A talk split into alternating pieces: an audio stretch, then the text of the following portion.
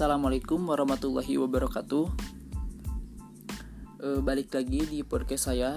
Di podcast saya kali ini seperti biasa saya akan menjawab e, beberapa pertanyaan yang mana pertanyaan itu mengenai e, produksi. Mungkin ini sudah pertanyaan yang ketiga. Apa perbedaan tujuan produksi dalam Islam dan konvensional? Jelaskan. Tujuan produksi konvensional yaitu Tujuannya untuk memperoleh laba sebesar-besarnya dan tidak mementingkan konsumen. Nah, sedangkan tujuan produksi dalam Islam yaitu memberikan maslahah yang maksimum bagi konsumen.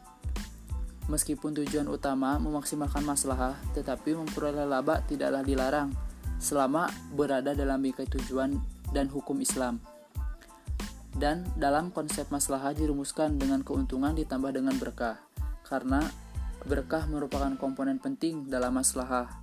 Nah, jadi per, perbedaannya itu ada di kalau tujuan konvensional itu memperoleh laba sebesar-besarnya dan tidak mementingkan konsumen. Nah, untuk produksi Islam itu jadi e, mementingkan konsumen yang maksimum bagi konsumen serta mementingkan juga e, keberkahan untuk konsumen. Mungkin jawabannya cukup sekian, kurang lebihnya saya mohon maaf. Wassalamualaikum warahmatullahi wabarakatuh.